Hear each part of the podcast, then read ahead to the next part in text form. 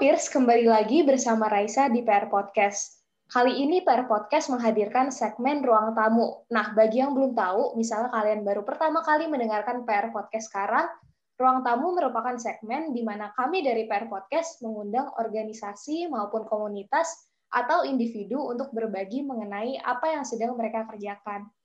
Nah, untuk episode kali ini, PR Podcast berkesempatan mengundang komunitas pelajar, lebih tepatnya adalah uh, komunitas dari Persatuan Pelajar Indonesia di Korea, PPI Korea, atau nama khusus mereka adalah Perpika.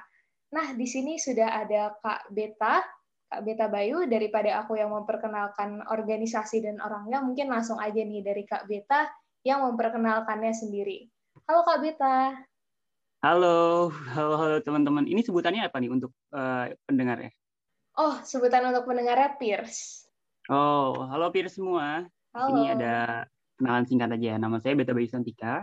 Biasa dipanggil Beta. Terus saya sekarang lagi kuliah di Korea Selatan, tepatnya di Hanyang University. Saya ambil uh, architectural engineering, tepatnya lagi, lebih tepatnya lagi di lab architectural acoustics.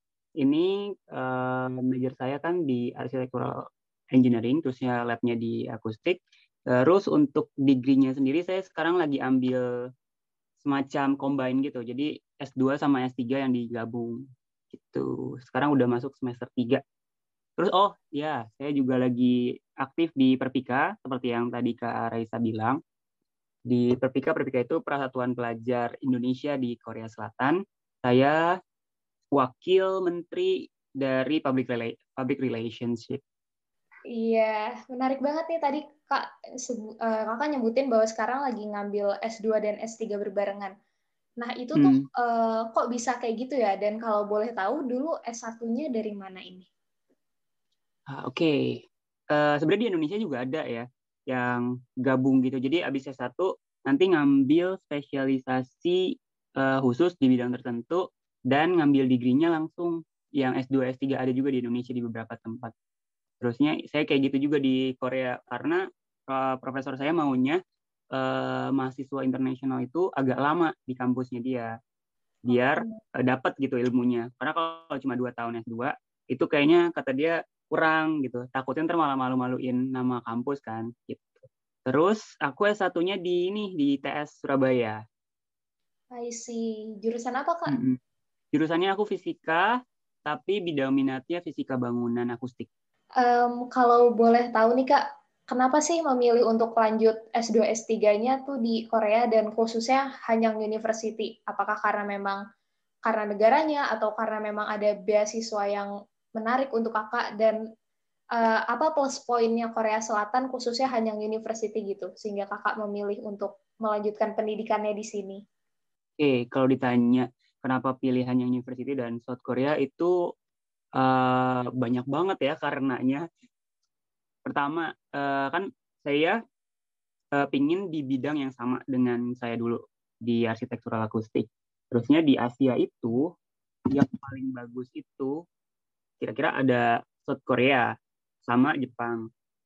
Terusnya uh, saya lihat profesornya lagi dan di South Korea itu di arsitektural akustiknya lebih apa ya lebih variatif gitu jadi banyak hal yang dipelajari di sini kayak worship, tempat ibadah, kayak gereja, masjid, temple semuanya diajarin di sini, cara pembuatannya, terusnya auditorium, terusnya kayak concert hall gitu-gitu. Di Korea kan banyak banget concert hall-nya. Jadi lebih uh, lebih enak gitu untuk belajar arsitektural akustik karena arsitektural akustik itu kan pembuatan bangunan di mana bangunannya yang juga bukan hanya visual tapi bagus juga untuk audio. Jadi untuk pagelaran musik, untuk konser, kon untuk bio, misalnya bioskop atau bahkan restoran itu butuh banget kan arsitektur akustik. Nah di sini tuh uh, bagus banget dan bahkan diakui oleh dunia gitu. Dan pro, dan profesor saya kan ini kan terkenal banget di dunia makanya saya pilih ini. Terusnya budaya Korea juga uh, siapa sih sekarang yang nggak tahu gitu loh budaya Korea lagi in banget gitu apalagi K-popnya. Terusnya dramanya, culture-nya juga. Nah itu aku kan juga into gitu loh. Suka sama budayanya Korea. Jadi itu sih alasan aku ke Korea. Dan juga fasilitas fasilitas. Karena kalau misalnya ngelihat di bahkan di Eropa belum tentu sebagus di Korea untuk fasilitasnya. Kayak transportasi, terusnya uh, apa lagi ya pendidikannya, terusnya uh, kehidupannya, terus dari pemerintah kesehat apa asuransi dan kesehatan dan sebagainya itu tuh di Korea tuh bagus banget. Makanya aku pilih Korea Selatan gitu. Oh, berarti memang karena ada pengaruh budaya dan karena iklim pendidikannya di sana juga menurut Kak Beta sangat-sangat mengundang ya untuk bisa melanjutkan kuliah di situ. Nah, menyambung yep. jawaban Kak Beta nih, kalau boleh tahu, Kakak apakah berkuliah di sana dengan biaya pribadi atau ada beasiswa gitu? Dan kalau boleh tahu, apa nih beasiswanya? Uh, pastinya beasiswa ya, karena kalau nggak pakai beasiswa agak gimana gitu kalau di Korea tuh. Uh, jadi beasiswa aku itu beasiswa dari swasta. Uh, teman-teman uh, peers semua tahu ya, ada yang namanya Hyundai Motor atau perusahaan Hyundai yang biasa kita kenal dengan perusahaan mobil. Nah, itu kalau di sebenarnya Hyundai itu bukan cuma uh, perusahaan mobil tapi perusahaan banyak hal ada barang elektronik juga ada uh, retail juga kalau di di Koreanya nah dia itu punya beasiswa untuk uh, mahasiswa-mahasiswa baru dari Asia Tenggara nah kebetulan waktu itu aku daftar dan beruntungnya juga lolos dari ya, jadi ada ini sedikit itu ya uh, pemberitahuan tentang beasiswa aku jadi Hyundai itu ngasih beasiswa untuk 5 atau 6 kampus terbaik di Korea Selatan dan dari tiap kampusnya itu cuma diambil 5 satu semesternya dan itu dari Asia Tenggara. Nah, di Hanyang University juga sama di di apa diseleksi dari uh, mahasiswa Asia Tenggara yang uh, daftar ke Hanyang University. Nah, aku ikut juga waktu itu dan untungnya lagi beruntung tuh dapet gitu. Wah, I see, I see. Sebenarnya aku tertarik banget nih untuk ngomongin proses seleksi beasiswa dan lain-lainnya, tapi hmm. wah, karena sayangnya bahasan kita pada malam hari ini akan lebih memfokuskan di perpikanya nih. Kalau begitu, kita masuk ke perpikanya dulu. Nah, kalau yang umumnya kita tahu, PPI itu kan adalah wadah atau organisasi mahasiswa Indonesia yang ada di eh, negara-negara lain, organisasi mahasiswa untuk mahasiswa yang Indonesia berkuliah di negara lain. Kalau Perpika sendiri, uh, ini kan khusus di Korea. Nah, sebagai orang awam ya. tuh, kita taunya cuman sebatas, oh iya nih ada organisasi namanya PPI buat mahasiswa yang kuliah di luar negeri. Nah, tapi mm -hmm. kalau misalnya dari Kak Beta sendiri, sebagai orang dalamnya PPI dalam tanda kutip, gimana sih kakak mendeskripsikan PPI itu khususnya Perpika? Perpika itu menurut aku apa ya family karena teman-teman hampir semua nih kalau misalnya nanti ya kuliah di luar gitu pasti ngerasain yang namanya jadi minoritas jadi orang Indonesia yang uh, jarang banget ada kan dan susah untuk berbahasa Indonesia di negara orang. Nah melalui Perpika ini uh, aku khususnya dari aku sendiri jadi punya teman baru gitu teman baru yang punya background yang sama yaitu orang Indonesia. Terusnya Perpika juga seperti keluarga. Pertama nemenin kita, terus ya apa kayak uh, apa ya bercengkrama, berteman gitu. Terus ya juga memberi bantuan. Perpika itu jadi memberi bantuannya dalam bentuk apa? Dalam bentuk uh, program-programnya Perpika yang memang menunjang uh, teman-teman mahasiswa Indonesia di Korea untuk berkembang seperti kayak training, terus ada bukan cuma training untuk berkembang aja ya, tapi juga ada uh, gathering di mana kita bisa saling terhubung satu sama lain, terusnya bisa bercerita tentang uh, apa sih keluh kesah keluh kesahnya. Karena uh, hidup di negeri orang, terusnya sendirian pasti banyak banget kan sedihnya, apa senangnya, banyak hal yang yang bisa diceritain dan uh, perpika itu ada untuk itu gitu, uh, memberikan wadah untuk kita berkumpul, untuk kita bercerita bersama gitu sih kalau menurut aku kayak keluarga lah makanya aku masuk Perpika. Wow, oke. Okay. Nah, tadi ada satu poin nih, makanya aku masuk Perpika. Berarti kalau misalnya mahasiswa yang berkuliah di negara lain, khususnya yang mungkin ini Korea Selatan, uh, mereka hmm. nggak hmm. otomatis menjadi anggota Perpika ya? Apakah ada prosedurnya untuk bisa terdata sebagai anggota Perpika, Kak? Dan apakah untuk para anggota untuk para mahasiswa yang berkuliah di luar negeri menjadi anggota PPI itu sifatnya wajib Oke, kalau ditanya kayak gini, sebenarnya anggota Perpika adalah semua mahasiswa Indonesia yang kuliah di Perpika. Tapi untuk uh, biar enak, biar saling tahu, kita di Perpika ada ini, ada pendataan biasanya. Jadi di website Perpika, kalau masuk ke websitenya Perpika, di situ ada uh, semacam apa ya, form buat ngisi data diri. Gunanya untuk apa? Sehingga kalau misalnya kamu udah terdata di situ, kalau misalnya kita ada kegiatan apa-apa nih dari Perpika, bisa di email atau dapat broadcast informasi itu sih intinya. Terusnya untuk wajib atau enggaknya uh, menjadi anggota Perpika itu terserah dari teman-teman juga. Kalau mau aktif atau mau ikut acaranya Perpika ya ya monggo. Kalau misalnya enggak pun ya enggak apa-apa gitu. Terusnya oh ya di sini ada ada dua anggota Perpika dan juga pengurus Perpika. Untuk anggota Perpika sendiri kan teman-teman yang kuliah di Korea Selatan, teman-teman mahasiswa Indonesia yang kuliah di Korea Selatan. Nah, untuk pengurus sendiri ada seleksinya nantinya. Dan itu nggak wajib kok. Jadi yang mau ikut silahkan, yang nggak juga nggak apa-apa. Tidak ada uh, apa namanya, tidak ada pemaksaan menjadi anggota Perpika ataupun menjadi pengurus Perpika. Tuh. Oke, berarti kalau bisa aku simpulin, kalau misalnya kita jadi mahasiswa Indonesia di Korea Selatan, secara tidak langsung kita merupakan anggota Perpika. Tapi kalau misalnya ingin menjadi anggota aktifnya itu harus ada pendaftarannya dulu ya. Buka sebutannya sama aja sih nggak ada anggota pasif nggak nggak ada anggota pasif aktif oh, atau pasif cuman okay. biasanya penyebaran informasi kan lewat email. Nah kalau misalnya teman-teman nggak daftar nggak mendaftarkan emailnya atau mendaftarkan data dirinya kan teman-teman uh, pengurus Perpika juga nggak tahu uh, emailnya teman-teman. Jadi kadang-kadang misinformasi itu. Jadi untuk pendataan kita ada ada form sendiri itu aja. Oh, ala, I see, I see. Oke. Okay. Hmm. Nah, tadi Kak, Kak Beta juga sempat nyebutin di awal kalau misalnya kakak itu merupakan uh, wakil ketua uh, public relation-nya Perpika ya? Iya nggak Kak? Ya, aku wakil menteri public relation-nya Perpika. Oke, uh, Wakil Menteri Public Relations yang Perpika. Nah, kalau boleh tahu itu job desk-nya apa saja ya, Kak? Dan selain Kakak, sebenarnya divisi-divisi di Perpika itu ada apa aja sih, Kak?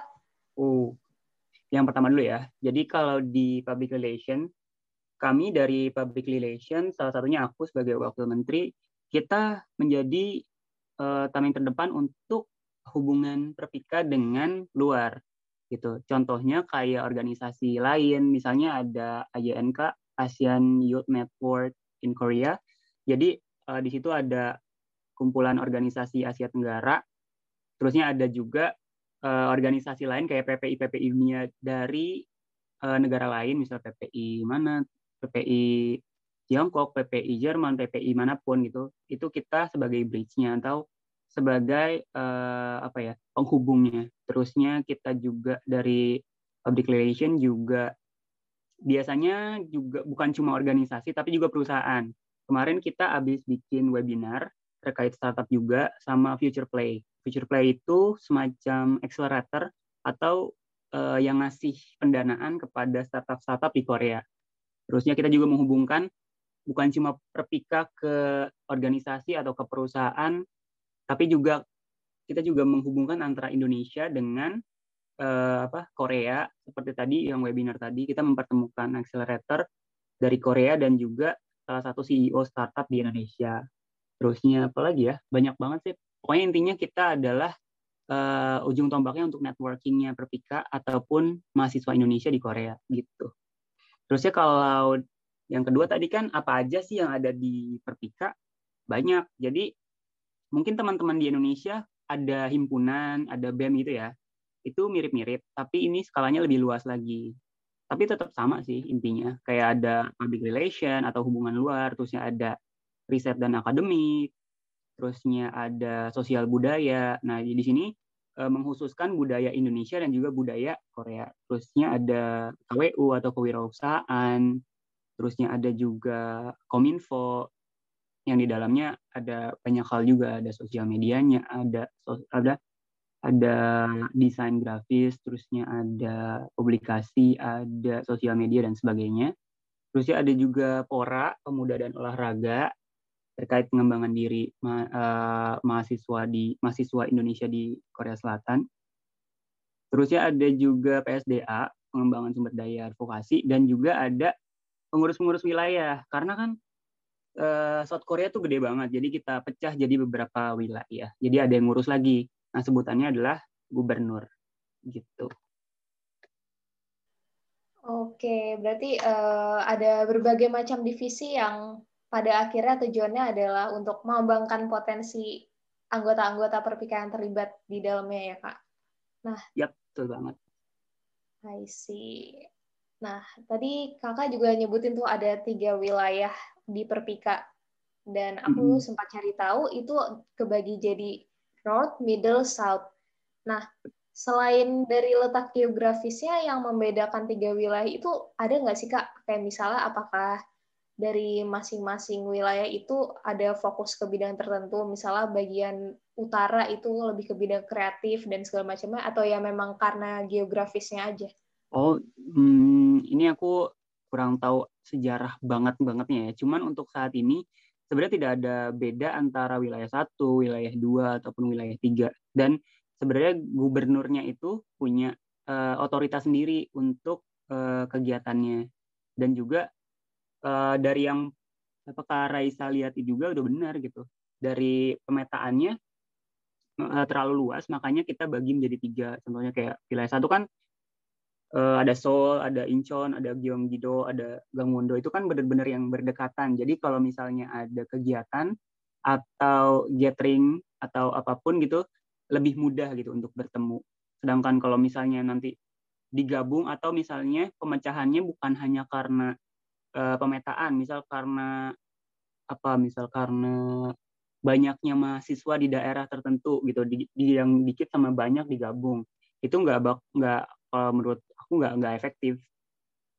Tapi wilayah ini benar-benar yang benar-benar pemetaannya di mana dan mereka akan mudah gitu loh untuk membuat suatu kegiatan, untuk berkumpul, untuk uh, berkeluh kesah gitu.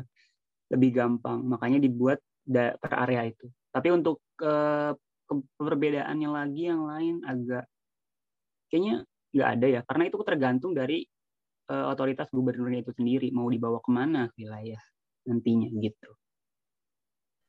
Oke, berarti memang pada akhirnya yang uh, itu pemetaan itu untuk biar bisa lebih efisien gitu ya dalam mengatur apa-apa saja yang sedang terjadi di masing-masing wilayah dan kalau misalnya tiap masing-masing wilayah mau mengadakan sesuatu ya itu sangat dipengaruhi oleh dari gubernur gubernurnya itu sendiri ingin menciptakan sesuatu yang seperti apa. Iya. Ya, nah kalau misalnya aku perhati ini selama pandemi ini kegiatan perpika lumayan banyak ya. Mungkin tadi Kak Beta juga udah nyebutin ada kayak tentunya kegiatan-kegiatan yang berbasis online seperti webinar series atau ruang menulis hmm. dan segala macamnya. Kalau yep. dari Kak Beta sendiri, boleh Kak diceritain satu kegiatan atau mungkin lebih dari satu juga nggak apa-apa yang paling memorable di Perpika dan kenapa menurut Kak Beta itu memorable? Hmm, banyak banget kayaknya kalau yang yang memorable tuh. Meskipun acaranya online semua kebanyakan belakangan ini. Tapi kalau misalnya disuruh pilih, yang pertama pasti yang kemarin dari uh, kementerian aku sendiri itu ada webinar uh, terkait startup, jadi uh, namanya itu startup enas. Itu temanya how uh, how to apa ya, how to lupa aku. Pokoknya business ideas and how to develop it. Dan itu kita benar-benar ingin all out kan sebenarnya. Soalnya ada di sini sudah dapat networking dengan salah satu akselerator terbesar di Korea, namanya Future Play. Nah, makanya kita waktu itu kerja keras banget sama-sama di Perpika untuk gimana caranya buat memperkenalkan ini loh ada investor dari Korea yang bisa ngasih pendanaan ke uh, startup yang ada di Indonesia. Ingin banget kan kayak menjembatani itu. Terus kemarin akhirnya kita bikin webinar yang menggabungkan antara si CEO-nya tadi ya benar-benar CEO-nya tadi si apa CEO-nya Future Play itu yang jadi pembicara di acara webinar kita. Terus ya ditambahi dengan CEO dari uh, startup di Indonesia namanya Gredu yang juga udah lumayan terkenal sih di bidang pendidikan teknologi pendidikan yang akhirnya kita bikin webinar dan akhirnya mereka bertemu gitu itu menurut aku yang paling berkesan karena nggak gampang untuk menjadi jembatan antara Korea dan Indonesia dalam hal startup dan kita bisa gitu loh mampu untuk menjembatani itu. Terusnya apalagi ya? Oh disnatalis aku suka karena perpika bukan hanya tentang serius atau pengembangan diri uh, hard skill tapi juga ada entertainnya gitu. Di acara disnatalis kita bener-bener yang fun kita bener-bener nggak ada waktu kemarin tuh ngadain lomba ada lomba video ada lomba nyanyi juga. Terusnya akhirnya juga waktu itu ada ada kayak gathering online gitu loh seru banget. Jadi yang tadinya nggak hmm. tahu nggak saling tahu karena beda wilayah atau terlalu jauh gitu jadi kenal. Pas itu dan kita sama-sama kayak senang-senang bareng di situ. Itu sih dua itu kalau menurut aku yang paling berkesan Oh, I see. Berarti ada webinar tentang entrepreneurship tadi dan ada disnatalis ya. Nah, ya ulang tahunnya Pika. Ya. Nah, kalau aku sendiri penasaran sama satu kegiatan nih Kak, uh, CISAK, C I S A K. Oh, ya. Nah, nah, boleh dijelasin Kak, itu apa sih sebenarnya dan kalau terakhir sih aku habis searching-searching itu terakhir 2019. Nah, itu memang dua tahun sekali atau uh, ataukah annual atau memang tahun lalu tidak bisa diadakan atau gimana ya Kak? Jadi ya kita tahu sendiri sebenarnya annual itu cuma karena keadaannya tidak memungkinkan untuk diadakannya conference secara offline dan juga online takutnya agak bermasalah nantinya atau uh, kita agak gimana ya agak masih belum lah untuk off, on online pun jadi makanya terakhir itu 2019 dan mau semoga aja bisa ada lagi 2021 ataupun 2022 gitu.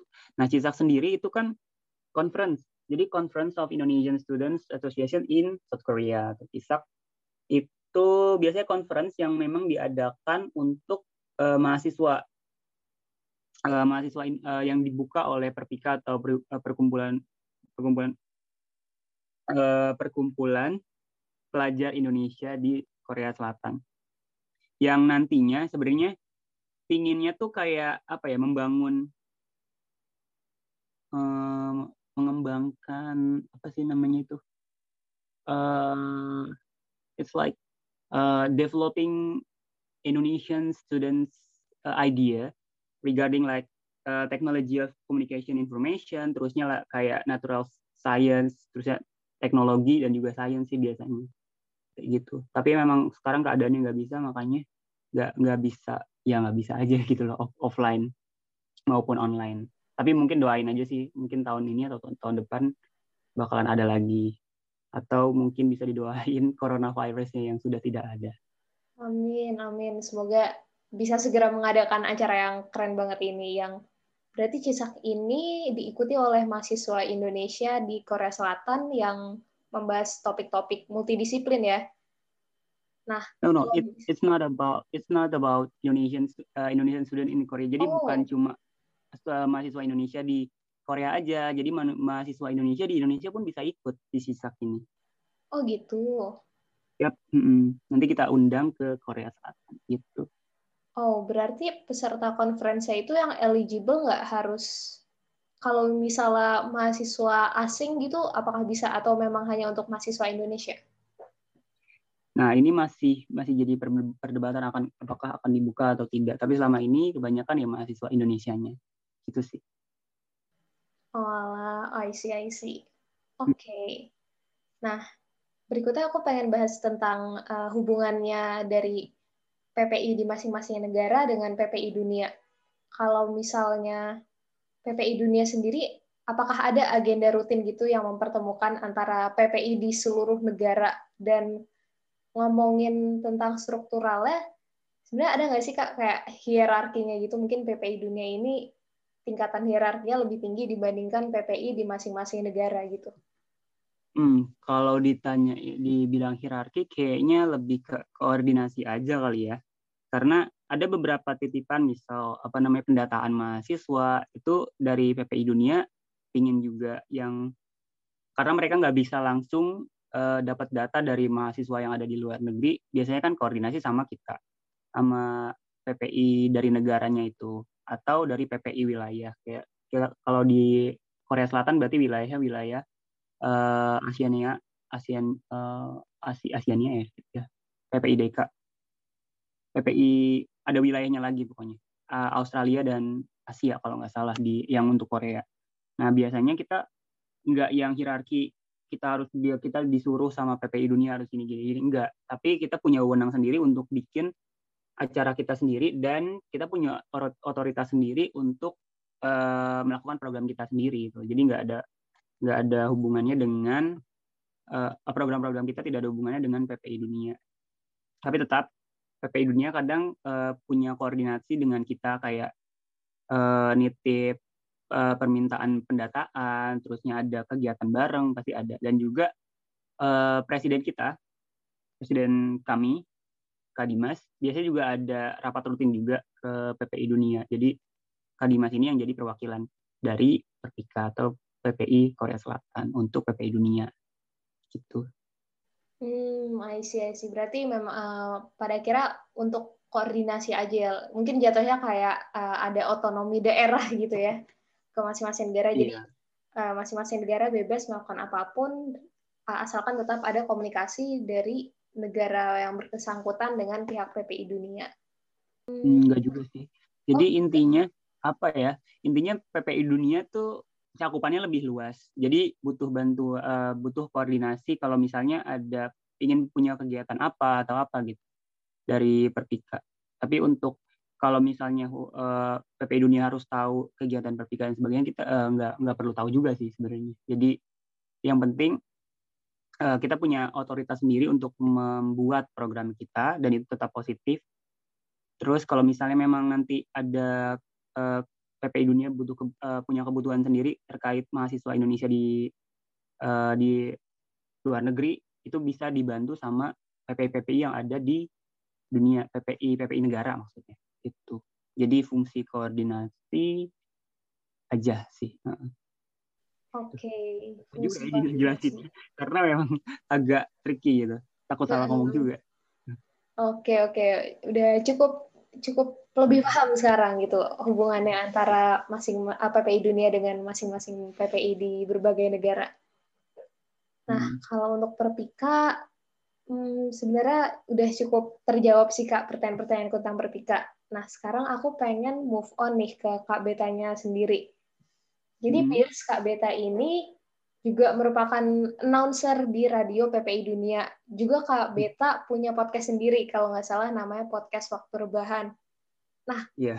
apa sih Kak, eh, kenapa Kakak awalnya tertarik dengan dunia podcasting? Secara kan Kakak sekarang merupakan mahasiswa eh, S2, S3 gitu, yang aku asumsikan sih cukup sibuk ya dan kenapa kakak bisa tertarik ke dunia podcasting gimana membagi waktunya dan lain-lainnya begitu oh ini banyak nih tiap aku interview pasti interview atau wawancara pasti pertanyaan ini. Dan aku akan selalu menjawab hal yang sama. Pertama eh, tadi kan aku udah itu cerita ya kalau misalnya jurusan aku arsitektural akustik. Akustik itu kan pasti berhubungan dengan suara. Kenapa podcast? Karena itu juga berhubungan dengan suara. Kenapa radio? Radio juga berhubungan dengan suara. Karena aku adalah tipikal orang yang audial banget gitu loh. Aku dari kecil kayak uh, misalnya kayak ada waktu kosong atau apa, aku dengerin musik atau dengerin uh, apa kayak speech TED, TED Talks tahu ya? TED Talks terusnya kayak podcast gitu-gitu. Terusnya aku paling uh, apa ya? Paling suka mendengarkan suara-suara uh, background noise, suara air terjun, suara burung pagi, suara-suara suara kayak gitu. Makanya meskipun aku ya benar aku sibuk di S2 S3 ini karena kalau di Korea itu ini for your information. Jadi kalau misal di Australia contohnya ya, dia kan sistemnya pendidikannya kalau nggak salah by research, by research aja. Jadi terus ada lagi beberapa negara yang by lecture. Jadi dia hanya masuk kuliah gitu, nggak ada labnya, nggak ada researchnya.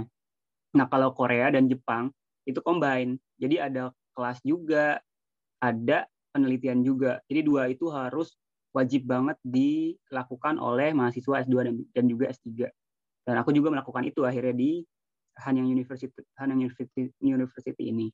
Aku kuliah juga, kelas, aku juga harus ada di lab karena aku ada penelitian yang harus dilakukan di lab gitu tiap hari Senin bahkan Senin sampai Sabtu gitu. Terusnya kenapa aku masih mau gitu mengerjakan kayak uh, radio announcer, terusnya jadi aku juga punya podcast gitu. Karena aku suka, karena aku suka. Aku akan uh, jadi kalau misalnya orang menyukai sesuatu, seberapa sibuk orang itu, dia akan meluangkan waktunya gitu. Dan aku pun sama, karena aku suka, aku akan meluangkan waktu untuk itu, gitu. Dan juga sebagai ajang untuk distraksi. Jadi ketika ketika aku stres, ketika aku apa uh, semacam kayak down atau apa pun, nah ini tuh semacam distraksi. Jadi uh, aku terdistrak gitu loh. Semua stresku terdistrak dengan kegiatanku ini dengan kegiatan yang aku suka ini yaitu uh, aku suka host. Jadi host suka jadi MC aku juga suka ngobrol gitu ketemu orang baru. Terus ya aku juga suka ngobrol di radio gitu. Makanya aku tetap menjalani radio announcing sama podcasting Oke, tadi alasan yang pertama cukup unik ya karena memang uh, kuliahnya berkaitan dengan audio-audio dan dari kecil juga sudah menyukai media-media uh, audio Terus yang alasan kedua tadi juga aku cukup relate karena memang menyukai uh, dunia perpodcastan ini.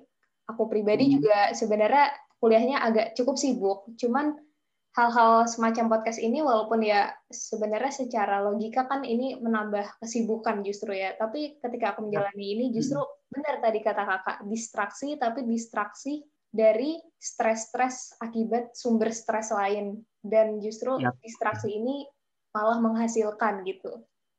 Hmm, betul daripada kita yang buruknya ya kayak stres terusnya keluar terus ya eh, minum-minum atau drugs atau apa pun itu kan dengan hobi itu kayak jadi jadi stresnya hilang tapi kita juga seneng gitu loh. Bener banget, bener banget. Nah, mungkin kakak bisa ceritain sedikit nih kak, apa sih itu podcast waktu rebahan dan radio juga mungkin bisa diceritain juga radio PPI Dunia. Oke, okay, podcast waktu rebahan. Podcast waktu rebahan sebenarnya aku ciptakan uh, bukan untuk orang lain tapi untuk diriku sendiri. Karena apa? Karena aku suka ngobrol. Terus ya karena aku butuh berbicara bahasa Indonesia karena jarang banget. Makanya aku sekarang tuh agak-agak susah untuk menempatkan bahasa Indonesia kadang-kadang karena aku jarang banget ngomong bahasa Indonesia sekarang kan jadi ngomong ngomong di kampus bahasa Inggris hmm. atau dicampur dengan bahasa Korea yang masih low lah ya itu terusnya teman-teman juga di sini kebanyakan uh, orang-orang luar gitu bukan orang Indonesia karena di Hanyang University orang Indonesia sedikit banget terus aku butuh untuk ngobrol. Akhirnya akhirnya aku aku ngelanjutin podcastku yang waktu itu dulunya terbengkalai gitu. Terusnya setelah aku coba oh iya ya ini bisa jadi ajang aku buat ngomong bahasa Indonesia. Akhirnya aku lanjutin dan aku lumayan banyak yang nonton. Dan menurutku ini positif gitu loh karena aku membahas tentang kehidupan di Korea gimana cara dapetin beasiswa di Korea terusnya uh, culture shock di Korea. Terus ada teman-temanku juga yang sebagai narasumber kayak cerita tentang feminisme di Korea Selatan. Terusnya teman aku juga cerita ada juga temanku yang di Eropa cerita tentang kehidupan kuliahnya dia gitu. Dan aku pikir ini positif. Makanya aku uh, ini aku kasih buat bukan sekarang ini bukan cuma buat aku tapi untuk teman-teman yang juga ingin berkembang gitu. Untuk memahami apa yang dia butuhkan untuk memahami apa yang dia mau nantinya. Itu untuk podcast waktu rebahan jadi teman-teman ketika kosong ketika rebahan yang nggak ngapa-ngapain atau ngelamun aja aku pingin teman-teman ayo dong nonton ini eh dengar ini supaya teman-teman bisa dapat sesuatu insight baru gitu loh. Biar teman-teman mungkin aja bisa dapat ide baru untuk uh, mengembangkan dirinya atau menjadi lebih baik. Gitu sih untuk podcast waktu rebahan. Terus apa lagi? Radio PPI Dunia ya. Uh, Radio PPI Dunia juga uh, salah satu hal yang fun menurut aku. Kenapa? Karena Radio PPI Dunia adalah radio pemersatu mahasiswa Indonesia yang ada di luar negeri. Tapi kalau mau dengerin ini, nggak harus uh, kuliah di luar negeri, tapi semua orang bisa akses ini di www.radioppidunia.org.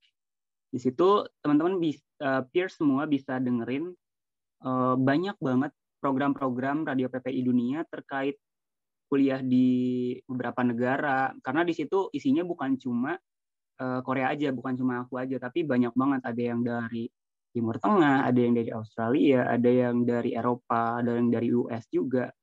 Jadi di Radio PP Dunia ini benar-benar uh, variatif.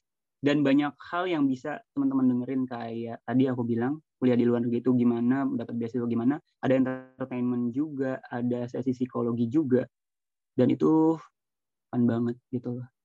Dan teman-teman harus dengerin di jangan lupa www.radioppidunia.org. Oke, Promo ya, ya Piers. Gak apa-apa banget kak, emang ini kok tujuannya episode kali ini juga untuk hmm. mempromosikan uh, Radio PPI Dunia dan podcast Waktu Rebahan. Cukup unik ya konsepnya hmm. podcast Waktu Rebahan. Podcast yang didengarkan waktu rebahan gitu.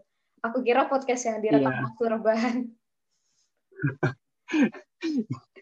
Tapi ini positif banget loh. Aku senang banget ketika diundang di Peers podcast ini karena aku baru tahu gitu ada Peer podcast yang uh, aku lihat juga yang pinginnya tadinya kayak uh, wawancara-wawancara orang uh, mahasiswa-mahasiswa yang keren-keren banget gitu. Terusnya ada, eh aku lupa. Nanti abis ini juga bakalan ke PPI lain ya? Insya Allah, semoga hmm, lancar.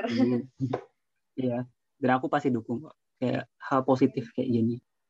Hmm, amin. Terima kasih banyak ya Kak Beta atas hmm. dukungannya, atas kepercayaannya gitu. Karena Iya, cukup sebenarnya masih peak juga sih ini PR podcast semoga ke depannya bisa terus berkembang gitu yes yes aku doain yes oke okay. nah sebenarnya pertanyaan dari aku sebenarnya udah semua nih kak yang aku tanyakan hmm, mungkin mm -hmm. ada nggak dari kak Beta yang ingin disampaikan tapi tadi uh, mungkin belum sempat aku singgung atau belum sempat aku tanyakan gitu apa ya masih pesan aja kali ya untuk teman-teman peers yang ada yang dengerin ini, hmm, cari sesuatu yang kalian suka. Karena tadi kan aku ngomongin tentang aku punya uh, podcast aku sendiri, terus aku juga di radio. Terusnya temukan apa yang kamu suka, terusnya jadikan itu sebagai distraksi untuk menghilangkan stres kamu. Uh, itu akan berguna banget sih jadinya buat kamu untuk menghilangkan stres dan juga buat kamu berkembang dan bahagia. Itu pesan aku, di mana pun kamu berada. Oke, mantap mantap. Temukan distraksi untuk menghindari stres yang datang dari sumber stres lain gitu ya. Oke, nah kalau misalnya pesan untuk para peers yang mungkin bercita-cita berkuliah atau bersekolah di Korea Selatan, ada nggak nih Kak? Dan mungkin uh, sedikit ajakan-ajakan kenapa harus gabung Perpika ketika sudah dinyatakan lulus jadi mahasiswa di salah satu kampus Korea Selatan? Oke, tipsnya sebenarnya yakin. Yang pertama eh, berani dan juga uh, untuk kuliah di Korea. Yang pertama berani untuk melangkah ke sini karena sebenarnya misal nih teman-teman uh, cari beasiswa ternyata nggak dapet gitu. Kalau misalnya teman-teman di tempat yang benar, bukan tempat yang benar, tempat yang uh, agak enak itu tuh agak lenggang dan di sini teman-teman banyak banget mahasiswa Indonesia yang sebenarnya nggak dapat beasiswa juga tapi bisa sambil part time gitu jadi nggak usah sedih kalau misalnya nggak dapat beasiswa kalau misalnya nggak mau kayak gitu ya bisa coba terus. Karena aku juga waktu daftar kuliah itu kalau di kalau ngelihatnya sekarang sih udah steady ya di Korea. Tapi kan sebelumnya juga aku nyoba banget gitu loh. Aku ditolak kok beberapa kali da dari pemberi beasiswa. Tapi aku tetap nyoba do nyoba dan nyoba sampai akhirnya dapet gitu. Teman-teman juga jangan patah arang ketika dapat penolakan misal beasiswa atau uh, dari kampusnya gitu. Karena uh, bukan berarti teman-teman itu nggak uh, nggak layak. Tapi teman-teman memang belum belum saatnya aja gitu. Nanti akan ketemu waktu yang tepat untuk teman-teman. Memang kalau memang udah jalannya untuk ke Korea Selatan. Jadi jangan nyerah berani. Terus kenapa harus berpikah? Uh, bayangkan kamu ke sini sendirian. Emang sih kalau misalnya di, aku juga awalnya pas ke sini kayak aku mau teman-temanku semuanya orang-orang luar atau orang-orang Korea gitu. Biar aku bisa kayak gini gini gini bisa main ke sana sini dan sebagainya. Tapi teman-teman butuh teman gitu. Teman-teman butuh teman. Jadi lewat perpika eh, teman-teman bisa mendapatkan teman-teman yang tahu latar belakang kita gitu loh, tahu budaya yang sama, jadi kita bisa saling bantu satu sama lain. Dan itu memang uh, berguna banget buat aku di sini. Oke, keren-keren. Berarti untuk teman-teman, untuk peers yang ada keinginan untuk berkuliah di Korea Selatan, pesan dari Kak Beta adalah uh, jangan takut untuk mencoba dan jangan menyerah. Dan kenapa harus gabung Perpika? Karena walaupun kita misalnya berkeinginan untuk mencari lingkup pertemanan sebanyak-banyaknya, lingkup pertemanan baru dari orang asing, tetap saja Perpika hmm. mungkin akan menyediakan teman yang hangat dan familiar karena berasal dari tanah air yang sama gitu ya kak? Ya betul banget. Oke, makasih banyak uh, kak Beta udah mau hadir di Per Podcast pada hari ini dan sharing-sharing. Bagi para peers yang mendengarkan ini, kalau misalnya kalian merasa episode kali ini bermanfaat, jangan lupa dibagikan kepada teman-teman agar semakin banyak yang merasakan manfaat dari episode ini juga. Terakhir dari aku, Per Podcast, share the story, enjoy the journey. Bye-bye. Bye.